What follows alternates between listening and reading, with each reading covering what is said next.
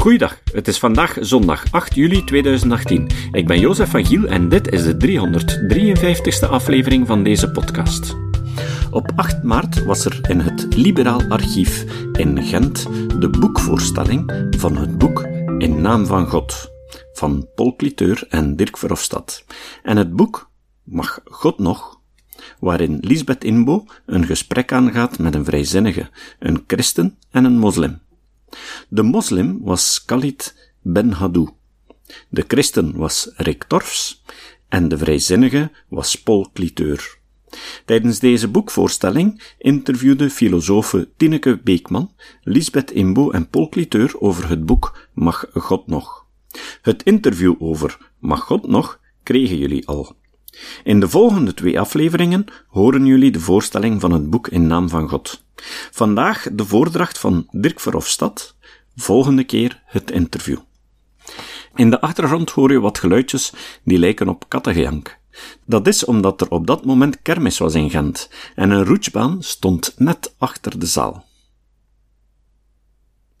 In naam van God. Ja, goedenavond dames en heren. Ik hoop dat mijn micro goed werkt. Staat iedereen mij? Oké. We gaan het na uh, dit uh, boek, uh, heel interessant boek trouwens, dat ik van Lisbeth Timbo heb gelezen.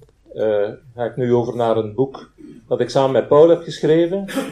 de titel daarvan is In Naam van God. En ik zal u daar uh, een en ander over vertellen. Ik zal iets minder grappen maken dan anders, want het thema is natuurlijk iets uh, ernstiger.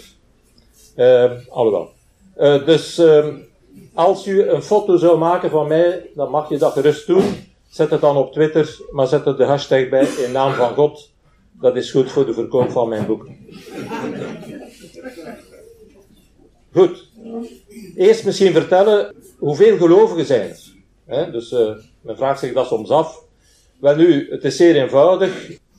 We hebben ongeveer 31% christenen, 24% moslims, en dan een heel klein speechje 0,2% joden. Daarnaast hebben we, bespreken we in het boek ook boeddhisten en hindoes. Maar in hoofdzaak gaat het dus over de joden, eh, de christenen en de moslims. En die vertegenwoordigen dus meer dan 55% van eh, de wereldbevolking. Dus met andere woorden, dat is dus een heel belangrijk aantal. Hè? Dus dat hoef ik u niet vertellen. Als je wil weten hoeveel dat er juist zijn, 2,3 miljard uh, christenen, 1,8 miljard moslims, 1,1 miljard hindoes en uh, ja, het aantal joden 0,01, uh, eh, hoeveel is dat Paul? Ehm, ja, dus veel minder. Hè? Dus veel minder. Goed. Het gaat dus over die groep vooral, dus die meer dan 55% dat we met dat boek begaan zijn. Maar nogmaals, de andere komen er ook hier en daar nog wel uh, tussen. Uh, nu, die meer dan 55% die baseren zich eigenlijk op twee boeken. Aan de ene kant de Bijbel, dat weet u natuurlijk, met het Oude en het Nieuwe Testament. En aan de andere kant dus de Koran. En in die twee boeken staan dus een aantal uh, teksten, verhalen, openbaringen, zaken die door sommige mensen als absoluut waar worden bevonden. Anderen zeggen, ja, dat zijn mooie uh, poëtische teksten die je dus moet interpreteren. Maar goed, het is dus op basis van die twee boeken dat dus die uh, 55% van de wereldbevolking zich baseert. En daarin staat één figuur heel centraal, namelijk dat is Abraham. Abraham is een werkelijk centrale figuur, zowel in het Jodendom, het Christendom, maar ook, en dat is minder bekend in de, in de moslimwereld, waar hij de benaming Ibrahim heeft. En in beide uh, boeken uh, heeft hij dus ook een zoon, en dat is Isaac. Hè?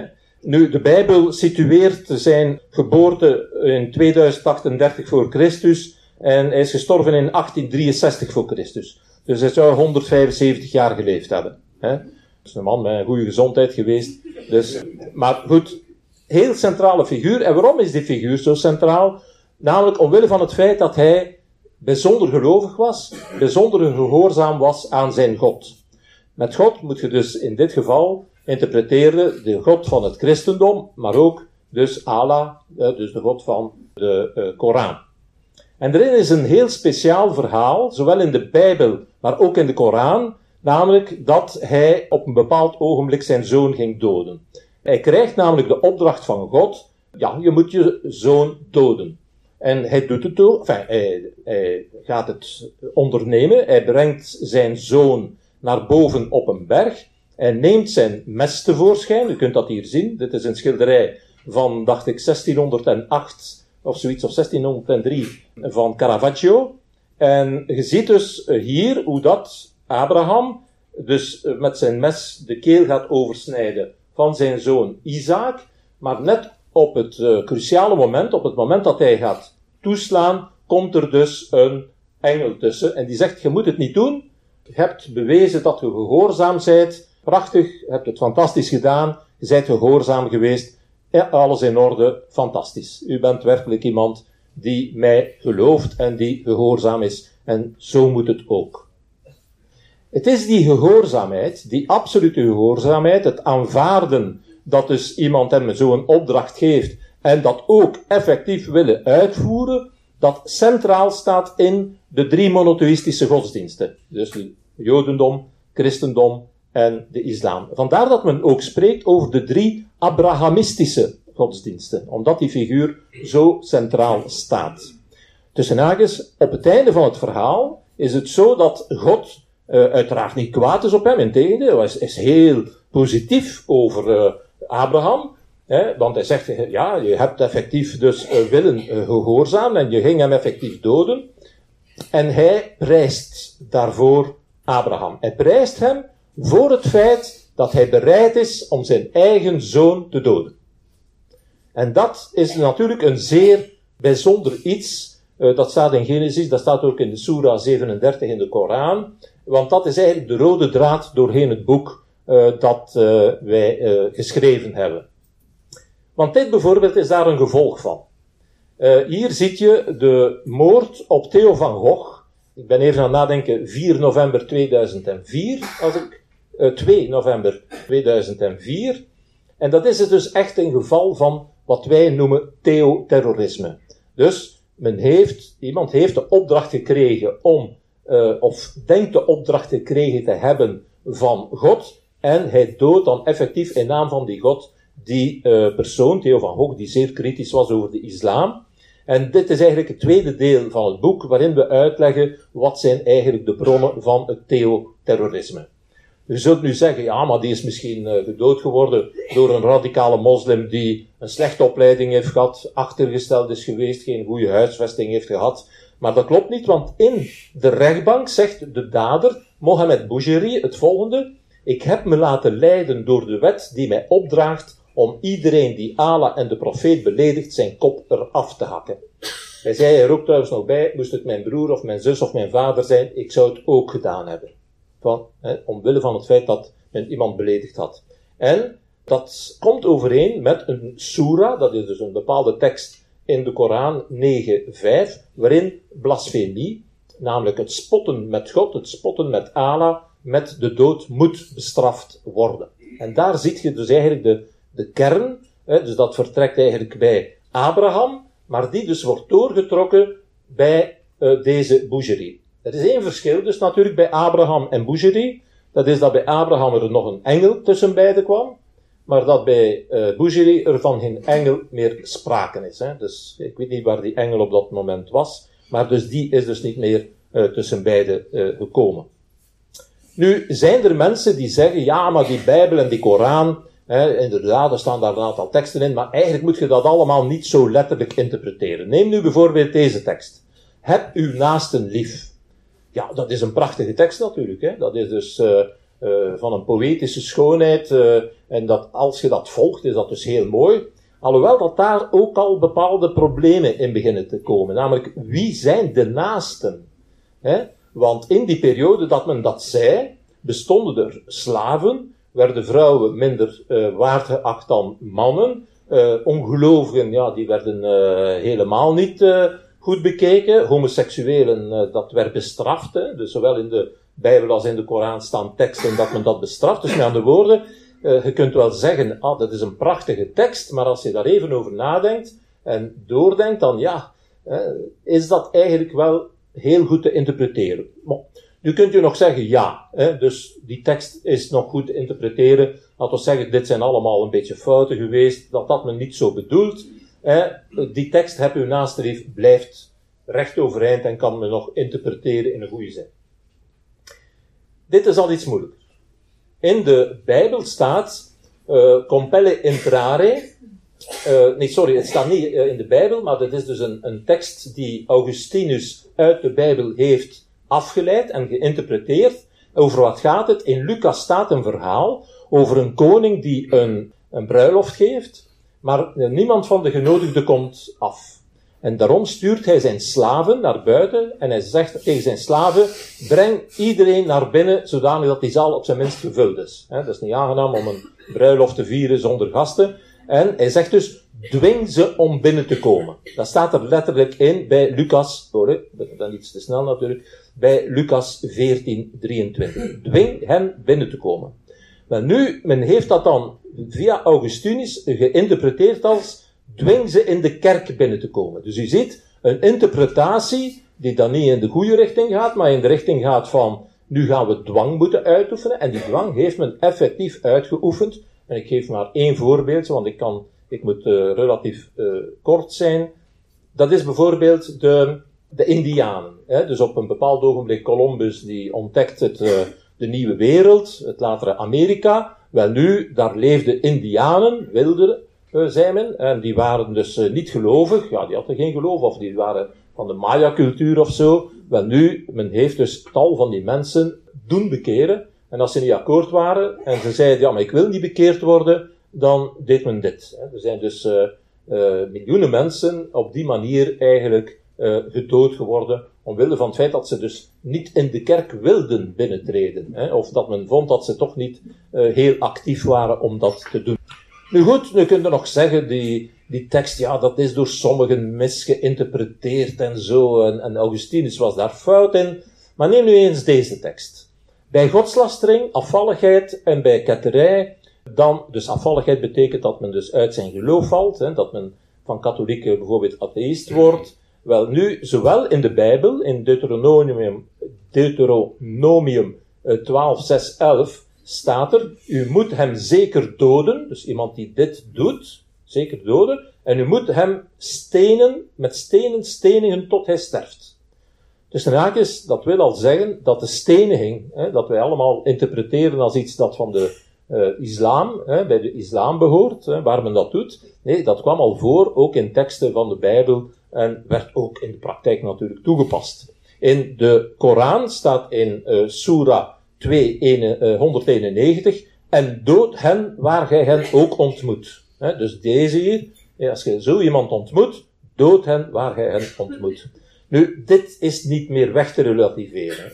Dus je kunt moeilijk zeggen, ja, maar je moet dat een beetje zo bekijken. Ja, zo bekijken. U moet hem zeker doden. Uh, dat, dat is moeilijk weg te relativeren, bij wijze van spreken. Dus dat is problematisch. Dus een aantal van die teksten, die in de Bijbel en in de Koran staan, kunt je niet wegrelativeren, kunt je niet weginterpreteren, en vormen de basis voor het theoterrorisme dat we uh, onderzocht hebben. En dat bestaat eigenlijk uit vier delen. Ten eerste morele heteronomie. Ik ga dat heel eenvoudig uitleggen. Dat is dus aanvaarden dat uw moraal, de morele regels van buitenaf aan u worden opgelegd en dat je die ook volgt. Het staat tegenover de morele autonomie, als je zelf zegt van dit en dat mag ik niet doen of wel doen. Ten tweede anarchie, dat betekent dat men niet de staat volgt, niet de wetten van de staat, maar dat men dus ja, de wetten volgt zoals men die interpreteert vanuit de Bijbel en vanuit de Koran. Ten derde, een theocratie, namelijk dat daar mensen tussen zitten, zoals de paus, bisschoppen, imams, moelaks, die dus eigenlijk gaan interpreteren voor u wat je dus eigenlijk moet doen en wat dat je niet mag doen. En tenslotte, heel belangrijk, ook martelaarschap. Staat zowel in de Bijbel als in de Koran, maar is eh, nu vandaag de dag heel sterk geassocieerd met de uh, Koran, namelijk mensen die zichzelf opofferen, bij wijze van spreken, door zichzelf bijvoorbeeld op te blazen en daarmee ongelovigen te doden, wel nu, die komen terecht in het paradijs en een aantal mensen die, of uh, die geestelijken die dat geïnterpreteerd hebben, zeggen zelfs en halen daarvoor inspiratie uit de Koran, dat men dan beschikking krijgt over 72 maanden, hè, als men uh, daar terechtkomt. Ik weet niet of dat, dat dus echt een, een, een cadeau is, hè, 72 maanden, maar, dus, maar dus, het wordt door sommigen als een cadeau beschouwd. Hè. Ik, ik zelf zou het daar toch echt moeilijk mee hebben. Goed, maar een type voorbeeld van zo'n theoterrorist, als je die vier zaken ziet, is Pinegas. En wie is Pinegas? Uh, wel, die kunt je tegenkomen in de Bijbel bij nummerie 25. Wat was dat? Hier ziet je Pinegas, deze persoon. Wat deed hij? Hij had dus uh, gehoord en gelezen dat er geen geslachtsgemeenschap mocht bestaan tussen de Israëlieten, de Joden, aan de ene kant en de niet-Joden aan de andere kant. En het treft een man en een vrouw aan, een Israëliet en een Moabitische vrouw, dacht ik, Paul. Klopt het? Een Moabitische vrouw, dus van een andere stam. En wat doet hij? Hij neemt zijn speer en hij doorboort ze beiden en hij doodt ze. Nu, dit is nog een extreem geval van theoterrorisme. Namelijk, het is iemand die gewoon zegt, hij krijgt dus niet de opdracht van een overheid, hij krijgt niet de opdracht van een uh, Abraham, of hij krijgt niet de opdracht van uh, wie dan ook. Hij zegt zelf, ik interpreteer die tekst als zijnde dat dat niet mag en bijgevolg dood ik die persoon. Wel nu, in de rest van het verhaal gaat dat belangrijk worden. Wij kennen vandaag de dag, in bijzonder in de islam, heel wat pinnegassen. Dus mensen die op basis van die, ja, dus het is niet pinnegas die in de buurt is, zijn mensen die in de lucht zweven met de kermis. Maar uh, dat is dus eigenlijk een type voorbeeld van een theoterrorist.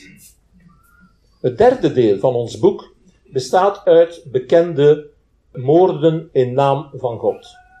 In de eerste plaats hebben we Urbanus, dat was Urbanus II, geen familie van, maar Urbanus II was uh, dus een paus in, 1900, uh, in 1095, en die zei, tegen dus uh, de christelijke ridders, maar ook tegen anderen. God wil het dat we zouden oprukken tegen de moslims die actief zijn of die het heilige land bezetten. En hij haalt daarvoor Matthäus 10:34 uh, naar boven, waarin staat: wij, wij, brengen u geen vrede, maar wij brengen u, u het zwaard. En dat wordt door die paus dus geïnterpreteerd als we moeten met het zwaard gaan optrekken tegen die ongelovigen. En wat hij er nog bij belooft, dat heeft dan weer te maken met dat martelaarschap, dat ik u verteld heb. Hij belooft een volledige aflaat. Wat is nu een volledige aflaat? Want sommigen onder jullie weten dat misschien niet, maar dus uh, het is zo dat volgens de katholieke kerk dat je ofwel naar de hemel gaat, maar dat is maar een klein aantal groepen. Ik denk niet dat er iemand in de zaal hier is die daarvoor in aanmerking komt. Uh, ofwel in uh, het vagevuur, maar daar zit je een paar miljoen jaar in. Uh, ofwel in de hel. Hè. Dus dat zijn een paar mensen die hiervan voor zitten. Maar dus, diegenen die natuurlijk naar het vagevuur gaan, dat is de grote, overgrote meerderheid, die hebben natuurlijk graag dat dat dan niet te lang duurt. Want het schijnt dat dat nu niet zo aangenaam is. Dus wat heeft, hebben de pauze uitgevonden, dat is niet iets dat in de Bijbel staat of uh, waar dan ook. Ze hebben dus het idee van de aflaat uh, ingevoerd. En ze gaven een volledige aflaat aan diegenen die gingen gaan vechten in Jeruzalem om Jeruzalem te bevrijden. En daardoor is er een enorme uh, stroom op, op gang gekomen van ridders en van mensen die de eerste kruistocht zijn begonnen. Onderweg hebben ze dan nog heel wat Joden vermoord en ginder hebben ze natuurlijk de moslims afgeslacht. En daar ligt een van de belangrijke kernpunten van het probleem dat we tot op de dag van vandaag kennen tussen onder meer Joden, moslims en christenen. Dat ligt hier, dat begint hier bij dus die eerste kruistocht. Dat is dus eigenlijk moorden in naam van God. God wil het. Deus lo vult. Juist, uh, ik kijk altijd naar mijn leermeester om te weten of ik het juist doe. Ik, ik voel mij gelijk op een mondeling examen.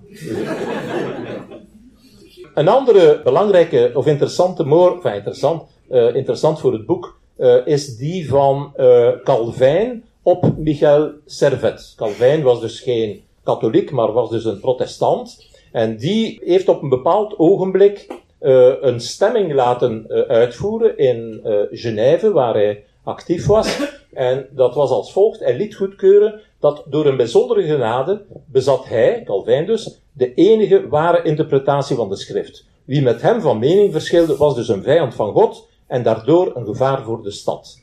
En wat wil nu? Michael Servet heeft een afwijkende mening. Hij gelooft niet in de triniteit, dus de drie-eenheid van God.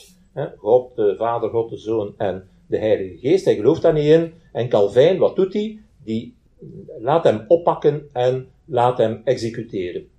Dacht verbrand, hè, eh, levend uh, verbrand. Ja.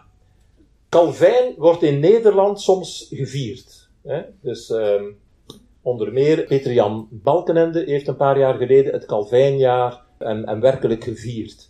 Uh, er zijn sommige mensen die zeggen dat dat hij beter niet gedaan, want hij viert een massamoordenaar. Want hij heeft natuurlijk niet alleen Servet laten vermoorden, hij heeft er nog vele anderen laten vermoorden. Type voorbeeld is natuurlijk van een uh, moord in naam van God. Heksenverbrandingen. Ja, heksenverbrandingen, hoe zijn die begonnen?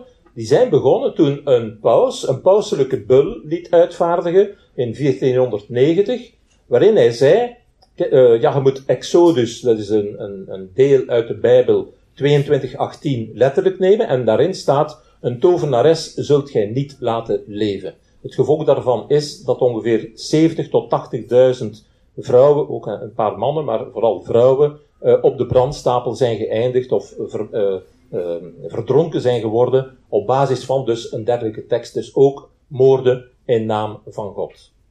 Maar om in de tegenwoordige, meer tegenwoordige tijd te komen, het zit in alle religies. Hier ziet je bijvoorbeeld Gandhi. Gandhi is uiteindelijk uh, gedood geworden door een zekere Godse.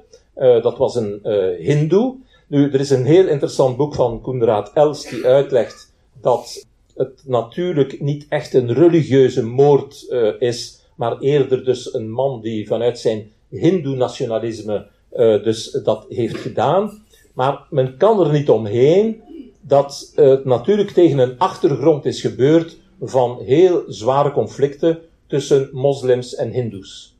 En wat we in het dagboek, waar ik straks al over spreken, zien, het dagboek van 2017, is dat regelmatig hindoes ook heel zware aanslagen plegen, maar dan ten opzichte van uh, moslims.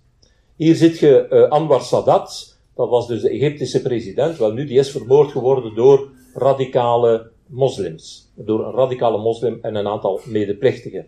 Hier ziet je Yitzhak Rabin. Yitzhak Rabin, dat was dus de man, hier links de premier van uh, Israël. Wel nu, die is vermoord geworden door een radicale jood. En hier ziet je dokter Tiller, George Tiller. En die is vermoord geworden omdat hij een abortusdokter was in de Verenigde Staten. En hier ziet je dat hij wordt buitengebracht, zijn lijk. Maar dat was in een kerk, want hij was een gelovig man. Dus men had hem vermoord in een kerk. Dus dit allemaal als voorbeelden van moorden in naam van God en heel vaak door extremisten van dus de eigen religie. Omwille van het feit dat men vindt dat dus de persoon in kwestie niet religieus genoeg is of uh, ja, verraad pleegt, bij wijze van spreken. Dus zeker in het geval van Rabin werd gezegd, ja, die man uh, heeft hier uh, een akkoord gemaakt met Yasser Arafat en grond afgestaan van de Joden, dat behoort tot het heilige Joodse heiligdom. Maar uh, ja, eh, dus, uh, hij is vermoord geworden dus door een radicale Jood. Dit is een heel bijzonder geval en ons boek is opgedragen aan dit meisje. Dat zult je lezen op de derde pagina of zoiets. Namelijk Katja Bengana. Dat was een meisje in Algerije van 17 jaar die school liep. En zij weigerde om de hoofddoek aan te doen. Men zei tegen haar, je moet dat doen. Maar ze zei nee, want de wet, de grondwet liet toen toe uh, in uh, Algerije om dat niet te moeten dragen. Wel nu, zij is in 1994 doodgeschoten omwille van het feit dat zij weigerde een hoofddoek aan te doen. En zij staat een beetje symbool, volgens uh, Paul Cliteur en mijzelf, voor de velen die op dit ogenblik onderdrukt worden en moeten zich sluieren en dergelijke. Ten slotte natuurlijk kan ik niet rond Charlie Hebdo uh, Charbonnier, die dus vermoord is geworden in 2015, samen met en, enkele andere redactieleden en andere mensen, omwille van het feit dat hij dus uh, zou gespot hebben met de islam, wat hij voor een deel ook heeft gedaan. Hè, dus daar geen doekjes rondwinden. Maar daarvoor is hij dus uiteraard door de gebroeders Kouachi vermoord geworden. Het vierde deel van het boek bestaat uit een dagboek. In 2000, het dagboek 2017. Ik ben daarmee begonnen op 1 januari 2017. ik weet niet of dat u dat nog herinnert, maar 2016 was zo'n rotjaar. Met, ik weet niet hoeveel aanslagen. Denk maar aan de aanslagen bij ons in Zaventem en in, uh, en in Brussel. En, en dan weet je nog die zomer, die ene aanslag na die andere. Werkelijk een verschrikkelijk jaar. En ik herinner mij nog dat ik naar, ging gaan slapen. Ik weet, niet, niet of ik met de nacht bereikt heb, maar dus ik ging dan gaan slapen.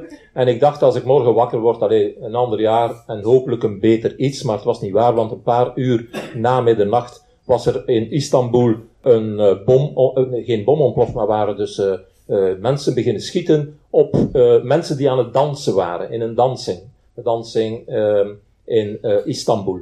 En daarbij zijn dus 39 doden gevallen. En van dan af had ik besloten, kijk, nu ga ik elke dag een keer kijken of dat er een aanslag is. En ik moet zeggen, ik heb van tijd soms moeten kiezen.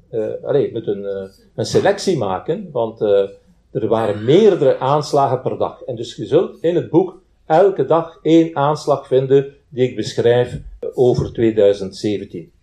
92 van die aanslagen gebeuren door radicale uh, moslims. De, meestal door Soenieten. Uh, doorgaans zijn dat dus Salafisten, daar zal ik onmiddellijk nog iets over zeggen. Degene, ze organiseren zich of organiseerden zich in IS, in de Taliban, Boko Haram, Al-Shabaab, Al-Qaeda en nog andere. En een minderheid zijn Shiiten, dat zijn mensen die gestuurd worden door Iran en de Hezbollah. En ongeveer 8% zijn dan radicale Hindoes, radicale Boeddhisten, een aantal radicale christenen en radicale Joden. Je ziet dat verkleind in lettertype gewoon, naarmate dat er minder aanslagen door die mensen gebeurden. Nu, dat is ook natuurlijk niet onlogisch. Er zijn veel minder Joden in de wereld. Dat je dus ook veel minder aanslagen hebt, dat is ook natuurlijk een, eh, een logica. Maar aan de andere kant heb je dus meer christenen en ziet je dat dus uh, daartegenover veel meer door de moslims aanslagen zijn gepleegd geworden in 2017. Wat zijn nu die salafisten? Dat zijn mensen die vinden dat, we moeten, dat men, de moslims, moeten terugkeren naar de zuivere leer, namelijk naar de leer van de profeet Mohammed en de eerste drie generaties na hem. En hier ziet je vooral waar die uh, salafisten zitten, namelijk die zitten vooral daar waar dat het groen is. En hoe donkerder het groen, hoe meer uh, salafisten je, je, daar hebt. Want dat zijn dus Soenieten, die ehm, je ziet ze hier niet, dus niet in Iran en Irak veel minder, omdat er daar dus een meerderheid van Shiiten uh, wonen. Nu, die salafisten zijn tegen al die zaken. Je kunt het lezen tegen de democratie, tegen de burgerlijke wet, tegen de scheiding van geloof en staat. Gelijkwaardigheid van man en vrouw aanvaarden ze niet, vrijheid van meningsuiting ook niet, blasfemie ook niet, homoseksualiteit al zeker niet, andersgelovigen nog minder en ongelovigen, dat zijn nog de ergste van al. De slachtoffers zijn vooral Shiiten. Dus de meeste slachtoffers die in 2017 zijn gevallen naar aanleiding van terreuraanslagen waren Shiiten. En meestal gewone mensen, gewone burgers. Zoals je dat trouwens vandaag de dag weer hebt in Syrië. Gewone mensen zijn dus de eerste slachtoffers van al dat enorm religieus uh, geweld. Ze vernietigen ook, de salafisten, heel vaak uh, de moskeeën. Dit zijn Shiïtische moskeeën die vernield zijn door salafisten. En, en die, ja, uiteraard met bomaanslagen, waar dus natuurlijk enorm veel uh, doden zijn gevallen. Ik haal maar nu een paar voorbeelden uit de 365 dagen die ik beschreven heb aan.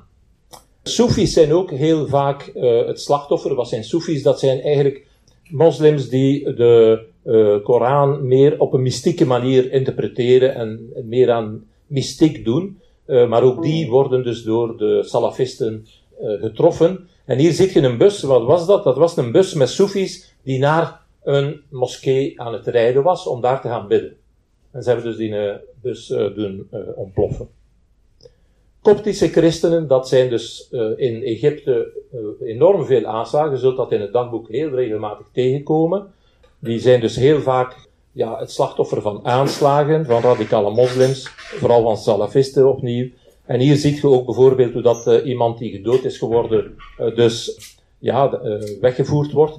Wat men heel vaak doet, bijvoorbeeld, ofwel gaat natuurlijk over grote aanslagen, moskeeën en dergelijke meer. of ehm, bommen die worden eh, tot ontploffing gebracht. Maar soms is het ook gewoon de keel oversnijden.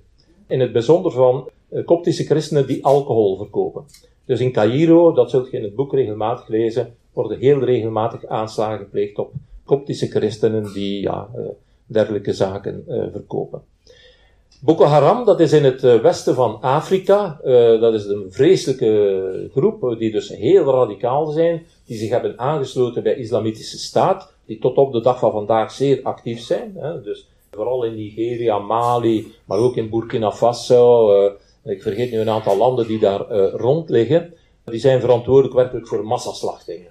Dus werkelijk, ze gaan gewoon naar een dorp en ze slachten daar iedereen af. Gewoon omwille van het feit dat ze niet radicaal genoeg zijn. Of zich niet willen onderwerpen aan wat Boko Haram wil.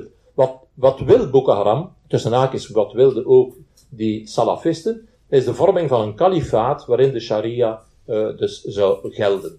Ze zijn ook verantwoordelijk voor het kidnappen van uh, vrouwen en meisjes, die, en dat zult je regelmatig in het boek lezen, in het, uh, in het dagboek, heel vaak opnieuw worden ingezet om zelfmoordaanslagen te plegen. Soms onder druk, soms omdat ze gebrainwashed zijn, soms ja, gewoon, misschien uit overtuiging ook soms, dat kan. maar dus veel van die meisjes, herinnert u, op een bepaald ogenblik waren er een 200 schoolkinderen. Wel nu, ongeveer de helft daarvan heeft men nog altijd niet teruggevonden. Maar ja, regelmatig worden vrouwen en meisjes ingezet om zelfmoordaanslagen te plegen. Al-Shabaab, die zijn actief in het oosten van Afrika. Dus dat betekent uh, Somalië, dat betekent uh, Ethiopië, dat betekent ja, die, die, die kanten. ook een vreselijke terreurgroep, ook salafistisch, wil ook het kalifaat vestigen. Zij richten zich vooral op hotels waarin westerlingen wonen en laten die tot ontploffing brengen. Dus, en zo zijn er dus heel wat aanslagen daar gebeurd. Natuurlijk de Taliban, daar hebt u ook van gehoord, dat is dan meer in Afghanistan, maar ook in Pakistan, zijn heel actief en hebben heel wat moordpartijen op hun geweten, willen ook de sharia invoeren, en dat weet je, want op een bepaald ogenblik waren de Taliban aan de macht. Herinnert u dat de vrouwen dan allemaal in een burka moesten lopen? Uh, dat was een vreselijke situatie. Heel veel aanslagen ook in Kashmir. Dat is dus het gebied dat betwist wordt tussen Pakistan en India. En dat, is, dat zijn dan aanslagen tussen, uh, of conflicten tussen Hindoes en moslims. Hier zit je dus de Hindoes die ja, waarschijnlijk hun doden weg eh, brengen en eh, eren. Ook de boeddhisten, er wordt vaak gezegd de boeddhisten, ja maar dat zijn vredevolle mensen, maar uh, deze boeddhisten die zijn niet zo vredevol. Bijvoorbeeld, dat zijn degenen die de Rohingya-moslims uh, trachten te verdrijven uit Birma. Hè. Dus hier ziet je hoe dat ze heel actief oproepen om daartegen te strijden, te trekken. Maar nog verder van hier, in de Filipijnen, maar ook in Thailand, in Indonesië, zijn er dus groepen radicale moslims actief, die het kalifaat ook daar willen oprichten. Vele van die groepen houden zich ook bezig met kidnappingen, zoals bijvoorbeeld Jurgen Kantner het zitten had heeft, bij wijze van spreken. Dat was een zeiler, en men heeft die dus van ja, zijn zeilboot kunnen aanslaan, en men heeft hem onthoofd. Dat zijn beelden net voor de onthoofding omdat men dus vindt dat hij dus geen gelovige is. En zo gebeuren er heel wat, ja, eh, terechtstellingen, dus de onthoofdingen, waar de mensen staan op te kijken. Hè. Dus wat was zeer veel het geval onder IS, maar gebeurt nog altijd in heel wat radicale moslimgemeenschappen. Ofwel voor de vrouwen heel vaak doodgestenigd. Hier ligt een vrouw, het is een beetje duister gemaakt. En er staat dus een kring rond van mensen die dus met stenen gooien tot dus de betrokkenen uh, dood is. Heel vaak, dat zult je in het dagboek werkelijk heel, heel vaak tegenkomen, uh, gebruikt men dus zelfmoordbommen. En hier heeft men dus een foto nog kunnen nemen voor de aanslag gebeurd is. Een vrouw met een kindje, en ze draagt een tas, en in die tas zat een bom. Nadien, zult je ook in het dagboek kunnen lezen, is dat ontploft. En uiteraard die vrouw en die baby zijn dus mee uh, gestorven. Ze je allemaal afvragen, hoe is dat toch mogelijk dat die dat doen? Wel, dat heeft natuurlijk allemaal te maken met het feit dat zij geloven in het martelaarschap. Hier ziet je Palestijnen die uh, aanslagen hebben gepleegd, of uh, nee, zij hebben geen aanslagen gepleegd, maar familieleden hebben aanslagen gepleegd, wel, die worden geëerd. dus de, men, zegt, ah, die komen terecht in het paradijs en we eren die omwille van het feit dat ze zichzelf hebben opgeblazen. er zijn nogal wat aanslagen door Palestijnen op Israël, op de Joodse gemeenschap. Dat staat ook in het boek. omgekeerd moet ik ook zeggen, zijn er soms aanslagen die door orthodoxe uh, Joden gepleegd dan worden op Palestijnen. Dat gebeurt soms, niet zo vaak, je gaat dat nu en dan maar tegenkomen, maar soms gebeurt het. Dat zijn dus de kolonisten, hè, diegenen die dus nieuwe nederzettingen bouwen, alhoewel dat dat niet mag. En dan schieten zij vaak, schieten ze soms Palestijnen neer. En dit, waarom toon ik dat? Anti-Balaka, ja, ik heb nu de hele tijd al gesproken over de moslims en even over, uh, op het einde over joden, maar uh, Anti-Balaka is een christelijke terreurgroep die actief is in de Centraal-Afrikaanse Republiek en die dus uh, moordpartijen organiseren op de moslims. dus om een keer het omgekeerde aan te tonen. er zijn nog voorbeelden, dit is niet het enige, dus Jozef Kony en de, bij de Grote Meren, uh, hebt er in Burundi heb je christelijke milities en dergelijke meer. En natuurlijk, en daar moet ik uh, toch ook nog even kort aandacht aan besteden, in Europa zelf. Hè. Dat zijn dan mensen die ofwel teruggekeerd zijn vanuit Syrië bijvoorbeeld, weet u, de Syrië-strijders, of uh, die hier geradicaliseerd zijn, en die op basis van teksten, salafistische teksten, die terugkeren dus naar de oorsprong van de islam, aanslagen plegen, zoals op 7 april, dat is allemaal 2017 voor alle duidelijkheid, in Stockholm, waar een bus is ingereden op uh, mensen, acht doden zijn erbij gevallen. In Parijs op uh, eh, 20 april, Manchester, herinnert u, een groot optreden. Daarbij zijn, ik dacht, een, ik weet niet exact, een tachtigtal mensen geloof ik, gedood geworden. Je ziet allemaal beelden van de slachtoffers. Soms ook een christen, hier bijvoorbeeld Jeremy Joseph Christian, heeft in Portland, in de USA, op 27 mei, een, was hij getuige van twee eh, vrouwen die gesluierd waren in een uh, trein en hij begon daartegen zich af te zetten. En er zijn drie andere mensen die zich rechtzetten en die zeggen, ja, je moet, moet die vrouw met rust laten. Hij heeft twee van die eh, mannen gedood en één andere zwaar gewond. Hij is um, een lid van de alt-right, zoals ze dat noemen, dus van neonazis, extreemrechtse mensen in de Verenigde Staten, waar extreem rechts en dus de uh, radicale christenen uh, heel vaak uh, banden met elkaar hebben. Je, ziet hier trouwens ook welke tekening of welke beweging dat hij maakt natuurlijk. Londen op 3 juni ook een zware aanslag. Barcelona, herinnert u nog, op de Ramblas, zware aanslag.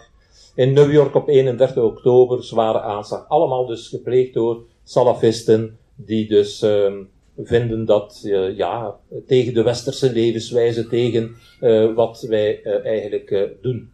En hier ziet je een kaartje daarvan, maar goed, dat is enkel maar om aan te tonen dat het dus in heel wat Europese landen gebeurd is. Het vijfde deel, misschien wel het meest belangrijke in de zin van, ja, je kunt zeggen, die aanslag, ja, dat is toch niet elke dag bij ons? Wel, elke dag, geloof mij, in Bagdad en Kabul in Syrië en eh, bij Boko Haram en zo. Maar de verlichtingswaarden staan ook onder druk door mensen in naam van God. In het bijzonder de vrijheid van meningsuiting. Hier ziet je dus Salman Rushdie met zijn duivelsverzen. Wel, er is een fatwa over hem uitgeroepen in 1989, waarbij het dus de bedoeling was van hem te doden. Een oproep om hem te doden, omdat hij dus de islam zou beledigd hebben. De Deense cartoons, die hebben ook heel wat uh, rumoer veroorzaakt. Deze vrouw is uh, heel interessant. Nolly Morris, zeg ik het juist? Uh, ja, Nolly Morris. die heeft op een bepaald ogenblik na de aanslagen in Parijs gezegd van laten we nu elke dag allemaal cartoons tekenen over de profeet Mohammed. Ja, zij stond onmiddellijk op de lijst van Al-Qaeda. De FBI, en dat is heel eigenaardig, die zegt tegen haar niet van we gaan u beschermen, maar die zegt tegen haar, duik onder, neem een andere identiteit aan en verander uw gedrag. En dat is natuurlijk het bijzondere, het, eigenaardige, dat is dat eigenlijk de overheid zegt tegen mensen die hun vrijheid van meningsuiting gebruiken, verander uw gedrag, dan zult je het niet tegenkomen. Eigenlijk komt het erop neer van, het is uw eigen schuld. En Paul Criteur heeft daarover een heel interessant boek geschreven, namelijk Bardot, Falacci, Houellebecq, Wilders, waarbij hij zegt, hij is het niet eens met de standpunten van die mensen, maar hij verdedigt het recht van die mensen om te mogen zeggen en te schrijven wat ze willen. Terwijl dat die dus via het gerecht vervolgd worden met doodbedreigingen uh, naar hun hoofd geslingerd krijgen en dergelijke meer. Is een heel interessant boek dat u uh, absoluut zou moeten lezen. Scheiding van kerk en staat staat onder druk. Wat je hier ziet is de Amerikaanse regering waarbij Donald Trump de leiding neemt om te bidden. En ze bidden omdat er een uh, orkaan was geweest. Uh, de naam van de uh, orkaan ontsnapt mij nu. Maar dus in plaats van geld en goederen te sturen, stuurt hij dus gebeden. En hier ziet je ze dus echt allemaal samen bidden. Er zijn ook Roy Moore. Misschien dat die naam u iets zegt. Dat was een republikeinse kandidaat voor een senaatzetel. Dat was degene die zijn wapen boven hield op een bepaald ogenblik. hij is uiteindelijk net, niet verkozen. Maar hij was daarvoor een rechter en hij had voor zijn gerechtsgebouw de tien geboden in steen laten bijtelen. Dus dat ziet je hier. Zij hebben hem dan wel ontslagen, maar het is een teken aan de wand dat evangelische radicale christenen in de Verenigde Staten beginnen dus meer en meer te eisen dat de Bijbel als basis voor de wetgeving zou dienen. Nu, wat we beginnen te zien is dat er meer en meer een opmars komt van parallele wetgeving we kennen allemaal de gewone wetgeving, hè, dus dat je niet dit en dat mocht doen, en welke reden, dat staat allemaal in het strafwetboek. Maar er is een parallele wetgeving, bijvoorbeeld in het christendom, crimen sollicitationis, heel kort uitgelegd. In geval van kindermisbruik is het zo dat je niet mocht spreken en een eeuwig stilzwijgen moet bewaren, zowel de daders als de slachtoffers, op straffen van excommunicatie. Dus je moogt niet spreken, het moet binnen de kerk behandeld en afgehandeld worden. Uiteraard heb je sharia-rechtbanken, en die bestaan. Er zijn soms uh, mensen die zeggen, oh, maar dat bestaat niet. Er staan er dus al op dit ogenblik een tachtigtal volgens een onderzoek dat uh, gebeurd is bij uh, Paul Cliteur. En die dus uiteraard altijd uitspraken doen. Ik moet u niet vertellen wie daar altijd de nadelige partij is. Hè. Dat zijn de vrouwen. Deze vrouw namelijk, dat is een eh, de Tanja Kamburi, een Duitse agente, heeft ook gezegd, er is een parallele wetgeving in Duitsland bezig, waarbij dus, als het gaat over moslims en moslimaanslagen, er een parallel systeem is waar men tracht uh, dat weg te houden van dus de gewone, uh, reguliere strafwetgeving. En dan, dit zijn zaken, volgens mij, die niet goed zijn voor scheiding kerk en staat. Dit is in Engeland, waar vrouwen mogen hoofddoek uh, als politieman optreden, of uh, politievrouw. Dat is volgens ons geen goede zaak. En dit is een uh, actie geweest van de Vlaamse overheid. Ik weet niet of dat sommigen zich dat nog herinneren. Een vrouw met een hoofddoek. Ik vind het dus verkeerd van dat te doen. Ik ben uiteraard niet tegen diversiteit en iedereen draagt op zijn hoofd wat hij wil. Maar ik vind de vertegenwoordigers van de overheid moeten een neutraliteit uitstralen. Gelijkheid van man en vrouw. ja, dit beeld zegt alles. Hè. Dit gaat over uh, kindbruiden. Hè? Dus een meisje van negen dat uitgehuwelijkt wordt aan een, een neef, maar ik heb indruk een oude neef. Hè? Dus uh, die, uh, dat is natuurlijk vreselijk. Genitale verminkingen, dat gebeurt letterlijk zoals je het hier ziet. Hè? En als je het niet gelooft, dan moet je maar een keer naar een lezing komen van een liberale kennelid, Asita Kanko, en die zal u dat perfect kunnen uitleggen dat dat dus onwaarschijnlijk is. Men zegt dan altijd, ja, maar dat heeft niks te maken met religie. Maar er is nu onlangs een onderzoek verschenen, de uitslag daarvan in het dagblad Trouw in Nederland, dat meisjesbesnijdenis wel degelijk te maken heeft met de islam. En dat het heel vaak imams zijn die dus de, de ouders zeggen van, je moet dat doen. Hè. Dat is in het belang van de vrouw, want uh, daardoor zal ze minder losbollig zijn, bij wijze van spreken. Hè. Maar het gebeurt ook onder de Joden. Hè. Dus orthodoxe Joden, ook zelfs in Antwerpen, die besnijden hun baby's binnen de acht dagen die binnen de dagen op de achtste dag. Besnijden ze dus, nemen ze een stuk van de voorhuid van uh, de penis van het, uh, de baby uh, weg. Dit is Tanja Rozenblit. Misschien nog even vertellen. Ook dus gelijkheid van man en vrouw. Die zit op de, de bus en ze is aan het rijden naar Jeruzalem. Ze heeft een ticketje gekocht. En op een bepaald ogenblik stopt een bus, het is een lijnbus, hè, dus, die stopt aan de volgende halte. En wie ziet ze daar? De Haridim. En de Haridim zijn orthodoxe joden en die weigeren op die bus te stappen zolang dat die vrouw erop zit. Want een vrouw, ja, dat is een minderwaardig wezen. Uh, Het is dan nog een, een, een totaal onbekende vrouw. Er is een discussie geweest waarbij de politie dan gekomen is en de politie heeft vastgesteld dat die vrouw effectief een, een, ticket, een ja, een, een ticketje had. Dus, uh, en voilà.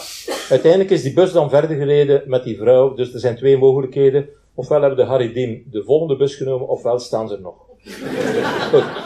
Dit is natuurlijk ook iets uh, vreselijk voor vrouwen. Dat gaat over radicale moslims die zich vaak keren tegen onderwijs voor meisjes. En Malala, u kent ze allemaal, is daar het slachtoffer van geweest. Uh, een heel uh, droevig geval. En dit is van het Tahrirplein in Egypte, waarbij dus op een bepaald ogenblik er massaal verkrachtingen zijn gebeurd tegenover vrouwen die protesteerden tegen het, het bewind. En hier ziet je daar een voorbeeld van ze hadden blijkbaar niet in de mot dat ze gefotografeerd werden.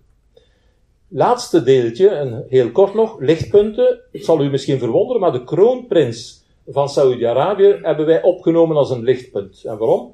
Is omdat hij van plan is om naar een meer gematigde islam te gaan. En hij ook, uh, de vrouwen mogen nu met een auto rijden. Stel je voor, wat een voorrecht. Hè?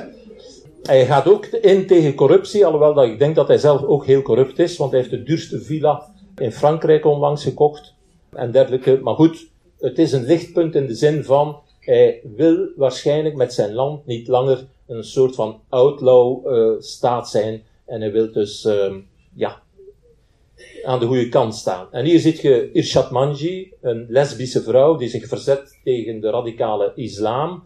Hier zit je Daria Safai, uh, waarschijnlijk uh, door jullie gekend, die dus vecht tegen het feit dat vrouwen niet binnen mogen in uh, sportstadia. En die een heel moedige strijd voert.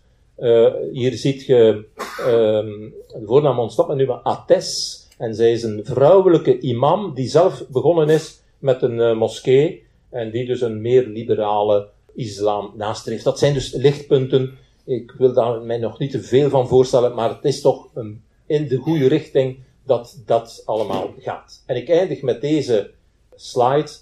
Mijn persoonlijke mening is dat veel van de problemen die we vandaag kennen met godsdiensten, in het bijzonder met radicale godsdiensten, het eerste gebod is. Bovenal bemin één God en de miserie begint. Want welke God?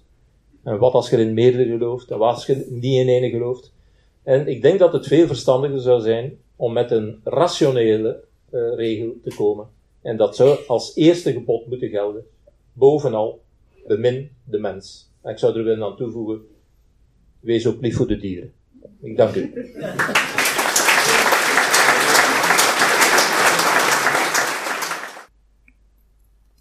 Daria Safai, over wie Dirk aan het einde sprak, kan je horen in aflevering 300 van deze podcast. Een link vind je in de notitiepagina. Het citaat. Het citaat van vandaag komt van Voltaire. Voltaire zei: God is een komiek die optreedt voor een gehoor dat te bang is om te lachen. Tot de volgende keer. Deze podcast is het resultaat van het werk van veel mensen. Rick de Laat verbetert bijna al mijn teksten en maakt de meeste vertalingen. Emiel Dingemans verzorgt onze website en Facebookpagina. Ook Leon Korteweg en Stefan Sutens schrijven, vertalen of verbeteren soms artikelen. Leon onderhoudt bovendien het YouTube-kanaal van deze podcast.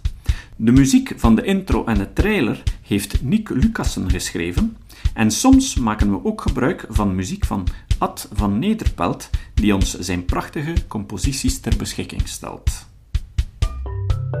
Dit was de podcast Kritisch Denken. Vergeet niet om alles kritisch te behandelen, ook deze podcast. Voor verdere informatie over deze podcast, links en voor de tekst, surf naar www.kritischdenken.info. Als je deze podcast belangrijk vindt, kun je me steunen door anderen warm te maken ook eens te luisteren. Stuur een e-mail naar vrienden met een link naar de website en plaats de link in de handtekening van je e-mails. Tevens kun je op iTunes deze podcast een beoordeling geven of een recensie schrijven. Of je kan op je eigen website of blog een link naar kritisch denken plaatsen.